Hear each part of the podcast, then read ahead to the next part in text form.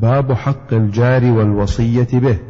قال الله تعالى واعبدوا الله ولا تشركوا به شيئا وبالوالدين إحسانا وبذي القربى واليتامى والمساكين والجار ذي القربى والجار الجنب والصاحب بالجنب وابن السبيل وما ملكت ايمانكم سوره النساء. وعن ابن عمر وعائشه رضي الله عنهما قال قال رسول الله صلى الله عليه وسلم ما زال جبريل يوصيني بالجار حتى ظننت انه سيورثه. متفق عليه. وعن أبي ذر رضي الله عنه قال قال رسول الله صلى الله عليه وسلم يا أبا ذر إذا طبخت مرقة فأكثر ماءها وتعاهد جيرانك.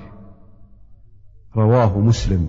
وفي رواية له عن أبي ذر قال إن خليلي صلى الله عليه وسلم أوصاني إذا طبخت مرقا فأكثر ماءه ثم انظر أهل بيت من جيرانك فأصبهم منها بمعروف. وعن أبي هريرة رضي الله عنه أن النبي صلى الله عليه وسلم قال والله لا يؤمن والله لا يؤمن. والله لا يؤمن. قيل من يا رسول الله؟ قال الذي لا يأمن جاره بوائقه. متفق عليه. وفي رواية لمسلم لا يدخل الجنة من لا يأمن جاره بوائقه. البوائق الغوائل والشرور. وعنه قال قال رسول الله صلى الله عليه وسلم يا نساء المسلمات لا تحقرن جارة لجارتها ولو فرس نشاه متفق عليه. وعنه أن رسول الله صلى الله عليه وسلم قال لا يمنع جار جاره أن يغرس خشبة في جداره. ثم يقول أبو هريرة ما لي أراكم عنها معرضين والله لأرمين بها بين أكتافكم. متفق عليه.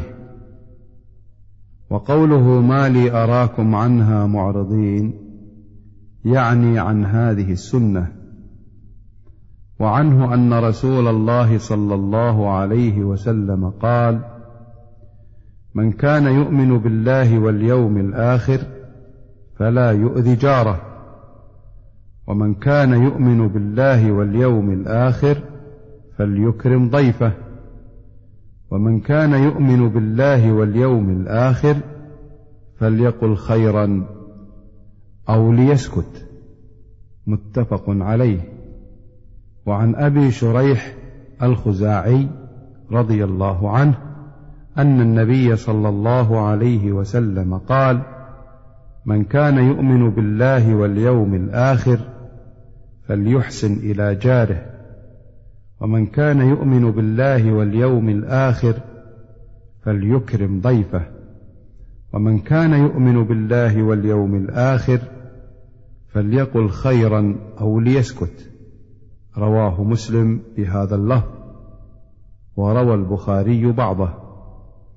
وعن عائشة رضي الله عنها قالت قلت يا رسول الله إن لي جارين فإلى أيهما أهدي؟ قال إلى أقربهما منك بابا رواه البخاري. وعن عبد الله بن عمر رضي الله عنهما قال قال رسول الله صلى الله عليه وسلم خير الأصحاب عند الله تعالى خيرهم لصاحبه وخير الجيران عند الله تعالى خيرهم لجاره. رواه الترمذي وقال حديث حسن.